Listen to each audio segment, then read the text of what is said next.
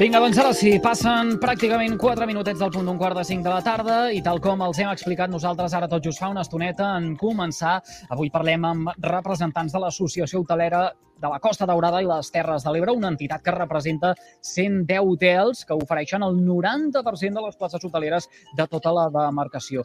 Bé, doncs aquesta entitat divendres de la setmana passada va celebrar la seva assemblea anual i precisament comparteix una estoneta amb nosaltres és el seu president, Albert Sabé. Molt bona tarda i benvingut al carrer Major de les emissores de la xarxa al Camp de Tarragona. Sí, bona tarda.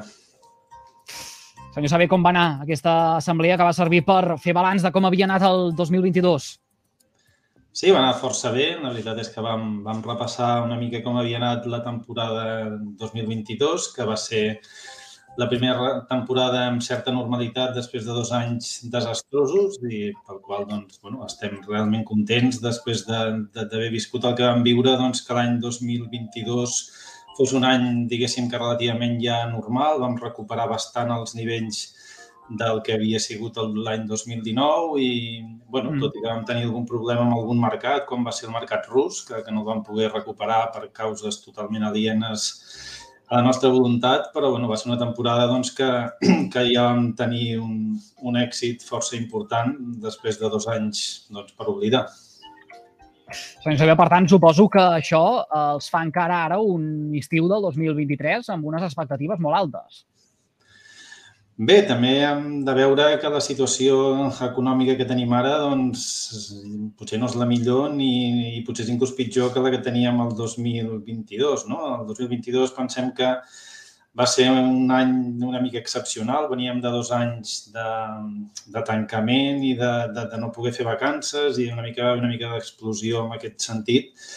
El 2023, doncs, pensem que ja és el primer any, amb, diguéssim, amb una certa normalitat, no? Ens tornem a posar una vegada un altre cop on érem i, bueno, veurem si, si, si les xifres s'assemblen més a les del 2022 o, o ens apropem a les del 19, però, bueno, creiem que serà un any un any bo, hem notat un inici de temporada una miqueta més fluix del, del que pensàvem. La Setmana Santa va anar, va anar força bé però el mes de després, aquest mes de maig i principis de juny, doncs estem notant una mica, una, una mica de refredament amb els volums de reserves que, que estem rebent i les que hem tingut durant el mes de maig.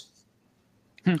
Això que ens està comentant els permet fer alguna mena de eh, previsió, no sé si basant-se en dades d'anys anteriors o al final el que hagi passat la Setmana Santa, el pont de uh, l'1 de maig, uh, no es pot traslladar tampoc en el que acabi uh, esdevenint en els mesos de més afluència turística, generalment a casa nostra, com eh, són eh, juny a partir de Sant Joan i, per tant, juliol, agost i, i estirant ja la temporada la primera quinzena de setembre.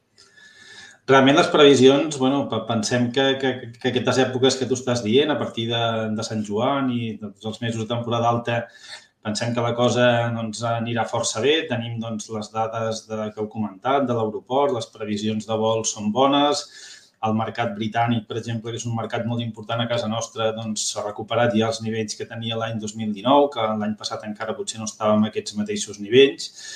I pensem doncs, que altres mercats de més proximitat, que han vingut a suplir una mica el turisme rus que, que teníem aquest abans de la pandèmia, un mercat sobretot eh, de proximitat nacional i de, de resta de Catalunya i sobretot també mercat francès i d'alguns països centroeuropeus, doncs acabaran, acabaran venint i fent doncs, que la temporada sigui bona. També hem de tenir en compte que aquests mercats es fan reserves cada cop més d'última hora i, bueno, i fins a bastant a sobre no sabem segur doncs, quins nivells d'ocupació ni acabarem tenint, però bueno, això és una cosa que passa pràcticament cada any i, bueno, i pensem que a partir doncs, de, de finals de juny la cosa doncs, es, té que, es té que animar. Nosaltres, el nostre destí, en molts sentits, va molt lligat al turisme familiar, que, que va molt vinculat doncs, al que serien les, les, les, les vacances escolars i bueno, just al moment que, que els col·legis doncs, comencen les festes i la gent comença a fer vacances, doncs molta gent acaba venint amb estades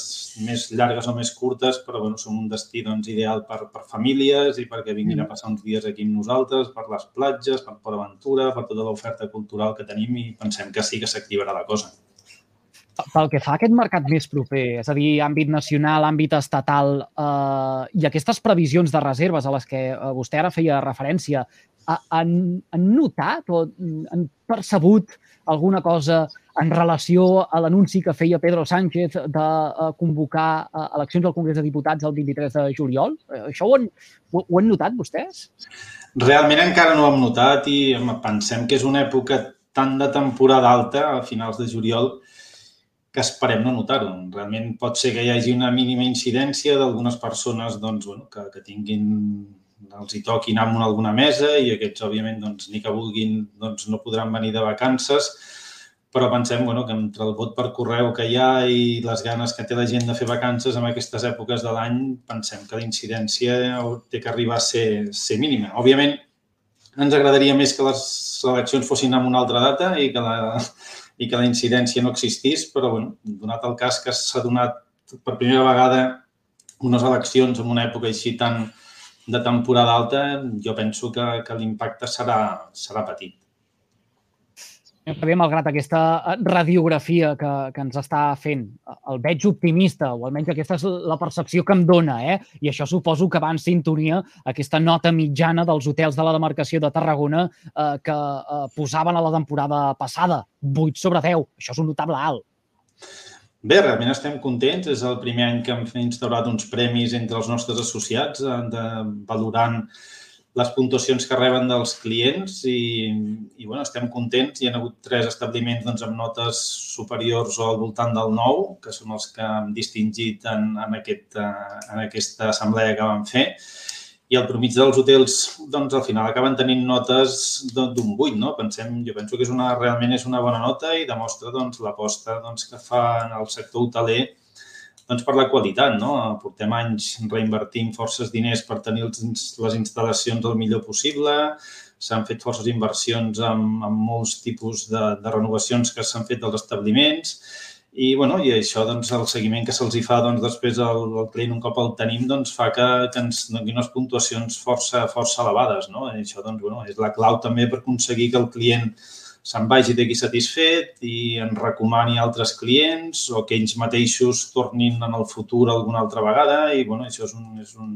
és una retroalimentació molt important per un destí com el nostre. Com s'estableix aquesta, aquesta puntuació, aquesta nota mitjana? Ara vostè parlava de uh, plataformes digitals, de reserves uh, online. Aquí uh, vota qualsevol persona que s'allotja en aquests uh, establiments hotelers del nostre territori o realment els que fan uh, aquesta uh, reserva per les vies telemàtiques i, per tant, quedarien exclosos uh, d'altres usuaris de les instal·lacions? Bueno, el que hem fet és hem, hem mirat les, les puntuacions que ens donen els nostres clients amb tres plataformes que hem considerat que són les més grans que, que reben puntuacions de, de clients que han estat hospedats a, als nostres hotels, que serien un TripAdvisor, que és un, és un, és un lloc on la gent hi puntua des de restaurants a, hotels. Un altre és Google, que també té tota una plataforma de, de puntuacions d'establiments. I l'altre és el, Booking.com, que també té tot un rànquing de, de, de valoracions de, dels, dels clients que han estat allotjats en aquells hotels. I doncs amb aquestes tres plataformes han fet un, un promig i, bueno, i ens ha donat aquests promitjos que et deia del 8 entre tots i després els, han fet un rànquing i hem distingit els establiments doncs, que tenen unes, unes notes més altes. Mm. Uh, quin és el marge de millora que hi ha a partir d'ara? Quin és el repte, en aquest cas, doncs, que els hotels de la demarcació de Tarragona, de la Costa Daurada i les Terres de l'Ebre eh, tenen per eh, mirar el futur eh, i alhora eh, assolir aquestes mateixes eh, xifres d'ocupació que dèiem ara o fins i tot millorar-les? Bé, marge de millora sempre n'hi ha, no? I sempre hi ha algun mercat que falla i hi hi ha algunes situacions econòmiques que no són les més òptimes, no? El que us deia, penseu que estem en una situació doncs, econòmica almenys a nivell europeu, doncs, que no és la més ideal, hi ha hagut la pujada de tipus d'interès, tot increment de preus, tot això fa que la renda disponible de les famílies per anar de vacances doncs, es vegi en certa manera restringida, no? I tot i que les vacances cada cop és un bé que la gent no en vol prescindir, doncs, bueno, si el pressupost es restringeix perquè ha pujat la llum, perquè ha pujat la hipoteca, perquè ha pujat els aliments que es van a comprar al supermercat, doncs, bueno, això acaba afectant potser que les vacances es facin més curtes, en menys dies o més a prop. Bueno, tot això acaba tenint doncs, un cert impacte. No? no és el millor escenari per, per nosaltres en aquest cas. Tampoc és el millor escenari el que dèiem, la situació geopolítica que ens ha fet perdre doncs, un mercat a la, a la Costa Daurada força important, com era el mercat rus, que doncs, l'any 2019 era el segon o tercer mercat estranger més important i que l'han perdut completament doncs, per, no perquè no vulguin vindre els, els clients russos o estiguin descontents amb la nostra zona, que de fet és una de les zones que preferien dintre de, de les seves vacances, sinó doncs, perquè senzillament doncs, suspès els vols que venien i, bueno, i la situació doncs, és de bloqueig i, amb, aquesta, amb aquesta zona. No? Vull dir que marge de millora i que les circumstàncies millorin el tenim, esperem. Això vol dir que potser hauran d'ajustar preus per eh, seguir captant l'interès d'aquest eh, públic fidel al sector hoteler de la Costa Daurada i les Terres de l'Ebre i mantenir els nivells com fins ara?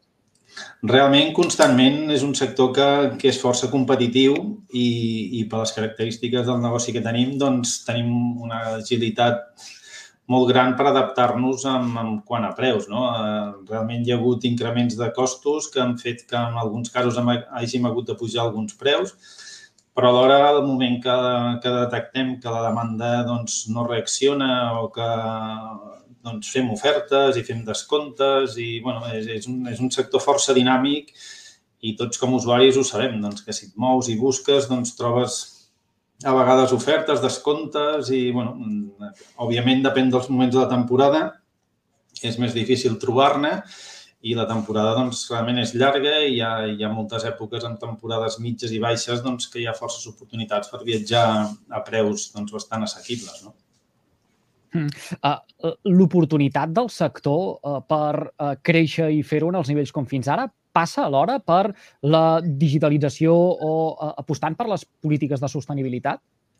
Sí, sí, òbviament. Són dos aspectes que hi estem molt enfocats. Eh, la sostenibilitat, doncs, bueno, és un sector que ja, ja fa anys que anem a fent apostes en aquest sentit i també detectem que cada cop més els clients doncs, s'hi doncs, fixen i ho valoren i exigeixen doncs, que els establiments en els quals passen les vacances doncs, siguin sostenibles i tinguin unes bones pràctiques mediambientals. No? Doncs molts hotels de la zona doncs, ja han començat a, a fer inversions importants en tot el tema de plaques solars per generar-se la seva pròpia eh, energia. S'estan fent esforços també en tot el tema d'estalvi de, en el consum d'aigua, més encara que actualment, tal com estan les coses, fer estalvis també en el consum energètic. Ja des de l'any passat doncs, doncs també tots els hotels estan treballant i força per amb les plaques, doncs intentant buscar doncs, la manera de, de consumir menys energia, perquè doncs, bueno, és un bé que, que cada cop és més car i s'ha d'optimitzar més els seus recursos i, bueno, i tractem de la manera possible doncs, conscienciar els clients doncs, que, que en facin un ús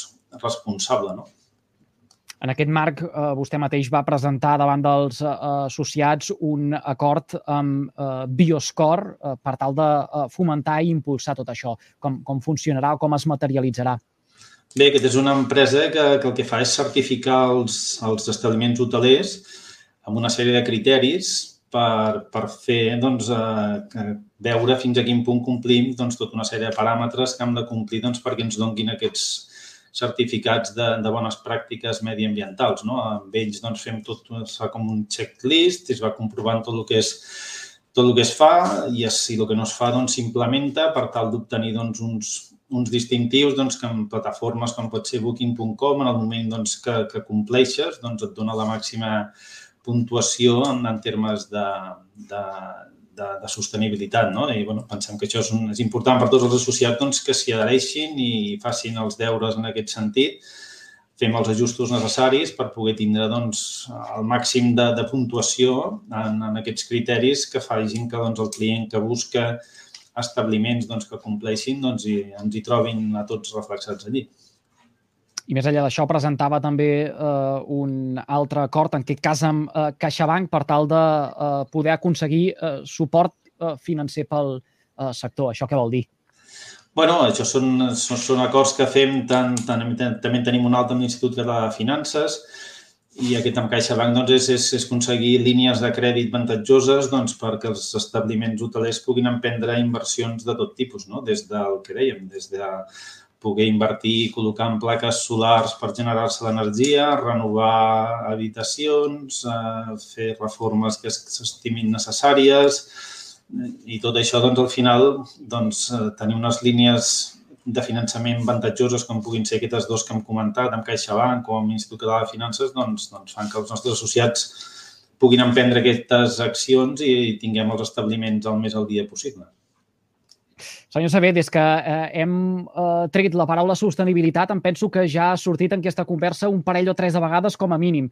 I en eh, la situació en què ens trobem ara, eh, de sequera generalitzada arreu del país, d'una manera també molt especial al nostre territori, li he de preguntar per com afronta el sector aquest estiu, donades les eh, restriccions actuals d'aigua que eh, hi ha aplicades eh, per tothom, eh, també pel sector de eh, l'hoteleria, en algunes ocasions fins i tot eh, assenyalat per la despesa que poden arribar a fer aquests potencials clients. Bé, bé, ho veiem amb preocupació, òbviament. És una situació doncs, que és una mica anòmala, la, la situació sequera que estem visquent. I tot i, així hem de dir doncs, que és, a casa nostra, des de ja fa anys, tots els hotels doncs, venim practicant ja polítiques d'estalvi de, en, en, en tema concretament d'aigua. No? Eh, venim mentalitzant els clients des de fa ja molts anys doncs, que facin un responsable doncs, de l'aigua, de la roba que ens donen per netejar, doncs, si no és necessari eh, netejar cada dia les tovalloles, doncs, que no ens les donguin per netejar, eh, bueno, en aquest sentit anem fent ja de fa molts anys enrere doncs, accions de conscienciació. No? Al final, en un hotel, eh, cada, cada client ha d'intentar fer el que faria amb ell a casa seva. No? Aquesta és una, és, és, una, és una mentalització que a vegades costa, però que hem d'aconseguir que el client, doncs, quan està a la seva habitació actuï com quan estaria a casa seva, no? Que quan es renta les dents doncs, doncs tanqui l'aigua, que no deixi reixar l'aigua, que quan s'adutxi doncs en faci un ús racional, que ja estigui el temps prudent que s'hi ha d'estar, que es dutxi les vegades que s'ha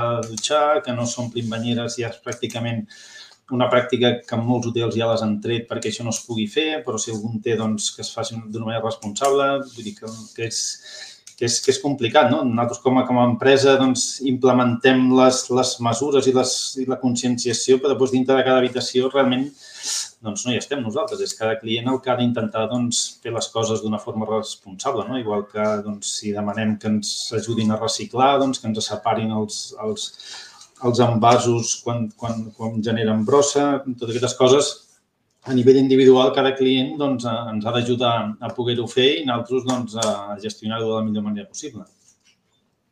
Senyor Saber, ja per acabar, una última uh, qüestió relativa a l'àmbit laboral. Recordo que l'any passat, en aquestes dates, a les portes de l'estiu, el sector de l'hoteleria, el sector de l'hostaleria manifestava la manca de professionals per poder encarar la temporada turística. Com l'encaren uh, aquest 2023? Han resolt ja les incidències que patien tot just ara fa un any en relació a això? Bé, pensem que, que, que serà complicat perquè doncs, és, és, és, és un tema que no és, no és propi només del nostre sector, sinó que ens hi trobem en molts sectors, aquesta manca, manca de personal. Però pensem que l'any passat va ser inclús més atípic en el nostre sector que, que, que qualsevol altre any. No? Veníem de dos anys on havia hagut establiments que no havien pogut obrir, amb ERTES, gent que havia buscat alternatives en altres sectors i, clar, el moment que vam tornar a obrir i ens vam posar tots a, a demandar personal, diguéssim que hi va haver com un, un excés de demanda respecte a l'oferta disponible de treballadors en, en el nostre sector, doncs perquè n'hi havien hagut bastants d'aquests treballadors que, lògicament, després de dos anys de no obrir els nostres establiments o de tenir que anar amb Vertes, s'havien buscat alternatives amb altres sectors. No? Això aquest any, doncs, una mica veiem que ja es comença a normalitzar una mica com era abans, no? que doncs, tots els treballadors doncs, que són fixes discontinus i que han tornat l'any passat a casa nostra, doncs aquest any ja tornen a estar disponibles per treballar amb nosaltres. Hi haurà problemes, però pensem que no serà tan greu com, com va ser l'any passat quan sigui el moment en tornarem a parlar, no sé si a final de temporada o abans, intentarem doncs, també eh, tornar a enfocar la mirada cap al sector del turisme de, de, de casa nostra per eh, explicar quina és la realitat que travessa. Albert Saber, president de l'Associació Hotelera de la Costa Daurada i les Terres de l'Ebre, gràcies per fer confiança al carrer major de les emissores de la xarxa al nostre territori. Un plaer. Vinga, vosaltres, bona tarda. Que vagi molt bé, bona tarda. Són dos quarts i mig de cinc, analitzem l'actualitat, analitzem també les paraules del senyor Saber i ho fem com cada dilluns amb companyia del periodista i escriptor Òscar Ramírez Dolcet. Òscar, bona tarda, bon dilluns, com estàs? Què dius? Bona tarda, bon dilluns. Bé, estem bé, estem bé, estem bé. Escolta, com, com l'encares tu la temporada turística? Amb les vacances planificades ja o amb, amb ganes de poder desconnectar de, de, de tot el que portem explicant des de fa setmanes, que si la política eh, d'unes eleccions ja superades, d'unes eleccions que hi ha per venir, de tot el que estàs acostumat a moure't? En el meu cas, mira, és el primer any eh, en molts anys que no tinc res programat perquè jo sóc, en aquest cas, sí que sóc eh, molt d'hàbits i de costums i cada any tenia tenia previst fins enguany de, i ho he fet, d'anar a una illa italiana, passar uns quants dies, anar a veure els amics italians per, per altra banda i viatjar a altres països. Però enguany, justament per fruit de la feina, perquè hi ha hagut eh, les eleccions per un costat, perquè mm, a l'ampliar l'editorial la, Banya, o diguem, la, la, la feina de la Banya, i per altra banda, amb dos llibres grans que estic eh, escrivint i que s'han de presentar abans d'acabar eh, justament eh, aquest 2023, i com porta molta feina, he hagut de, eh, diguem que, trencar una tradició i de moment eh, no preveure quan podré sortir, perquè com a mínim fins al mes de setembre crec eh, que no podré fer cap petita excursió ni cap escapada ni aquí. Jo crec que ni a la cantonada, ja no a Itàlia, ni a la cantonada.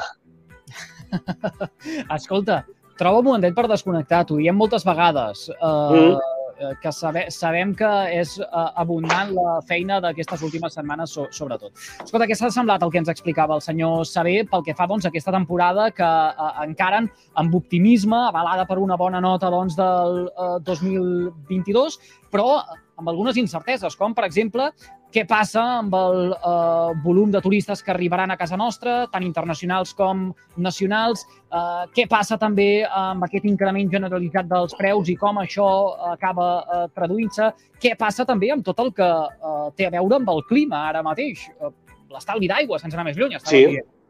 clar, l'increment de preus no ajuda. Eh, l'increment de preus, no, no només del sector hoteler, sinó de forma especial l'increment de preus, per exemple, pel que fa als vols, perquè ara mateix l'augment que s'ha produït és aberrant i vergonyós per part de les eh, companyies.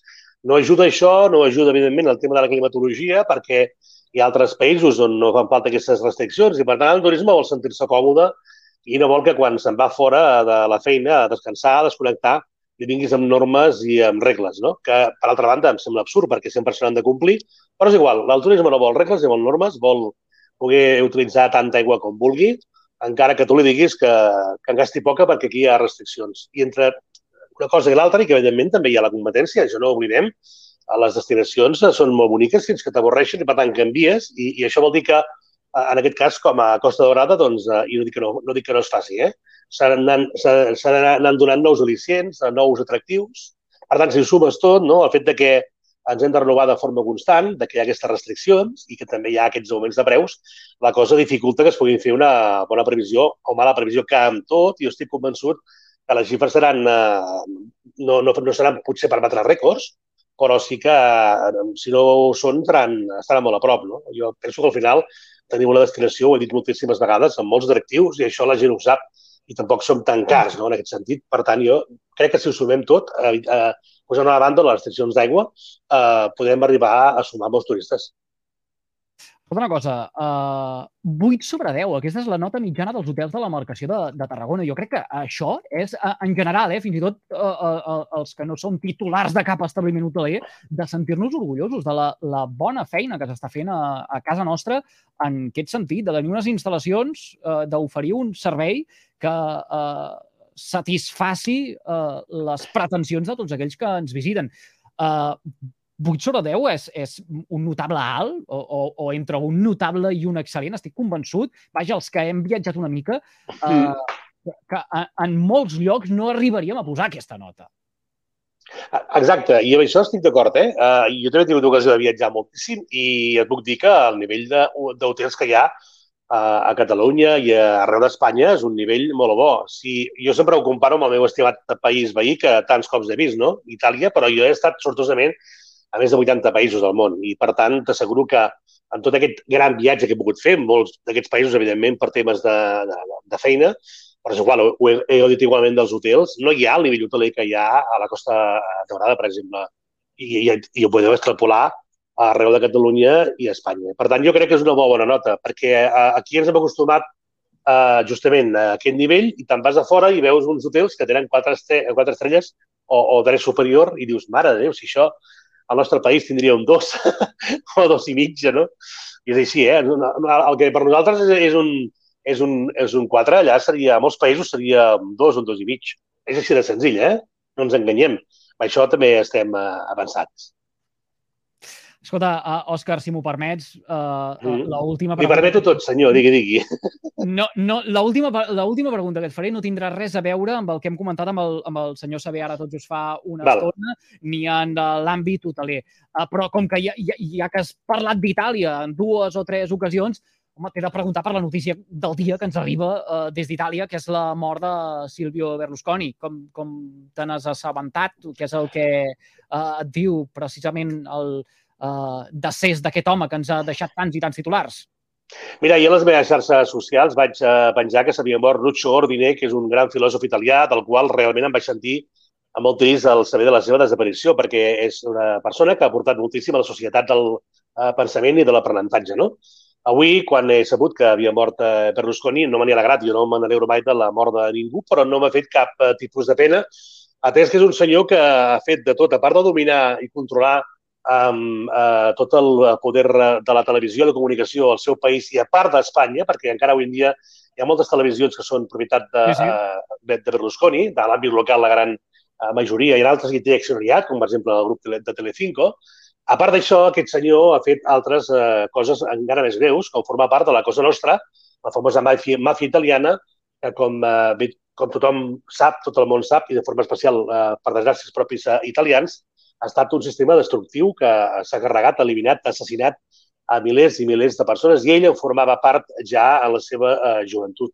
És una persona que no ha tingut cap tipus de decència en anar al llit amb jovenetes de 20 anys quan ell en tenia 70 a canvi de diners, i que ha atorgat poder a canvi de moltes coses. I, per tant, a Itàlia, de tots els meus amics de les xarxes socials, i en tinc potser com a 200 i escaig, eh, diria, Facebook, que avui estan celebrant eh, o dient adeu-siau i no tornis més, Silvio, adeu-siau, porco, li, li han dit de tot una mica perquè és, eh, suposo que el que en el fons es mereix un personatge eh, del, del poc calat moral que tenia aquest eh, senyor. Ha fet de tot, però res de bo. Jo, si teniu temps, Uh, us recomano una cançó, busqueu a YouTube, que es diu...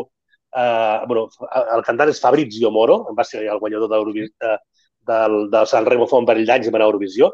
Fabrizio amb Z, Moro, val? i poseu Barabà, B-A-R-A, dues Bs i A, que vol dir Barrabàs. És una cançó dedicada a Berlusconi, uh, amb imatges, i flipareu. Uh, tot el que ha fet l'italià s'entén perfectament de tot el que denuncia en Fabrizio, per exemple, allà, és només la punta de l'iceberg del que aquest senyor va fer de dolent, perquè de coses bones asseguro que n'ha fet ben poques. Uh, els escàndols de Berlusconi, uh, ara de seguida els, els tonis, amb els nostres companys de Ràdio La Selva. Òscar Pinchet, gràcies un dilluns més per compartir amb nosaltres aquests minutets. Una abraçada ben forta i bona setmana. Gràcies a tot i bo i bona setmana. Rafeu.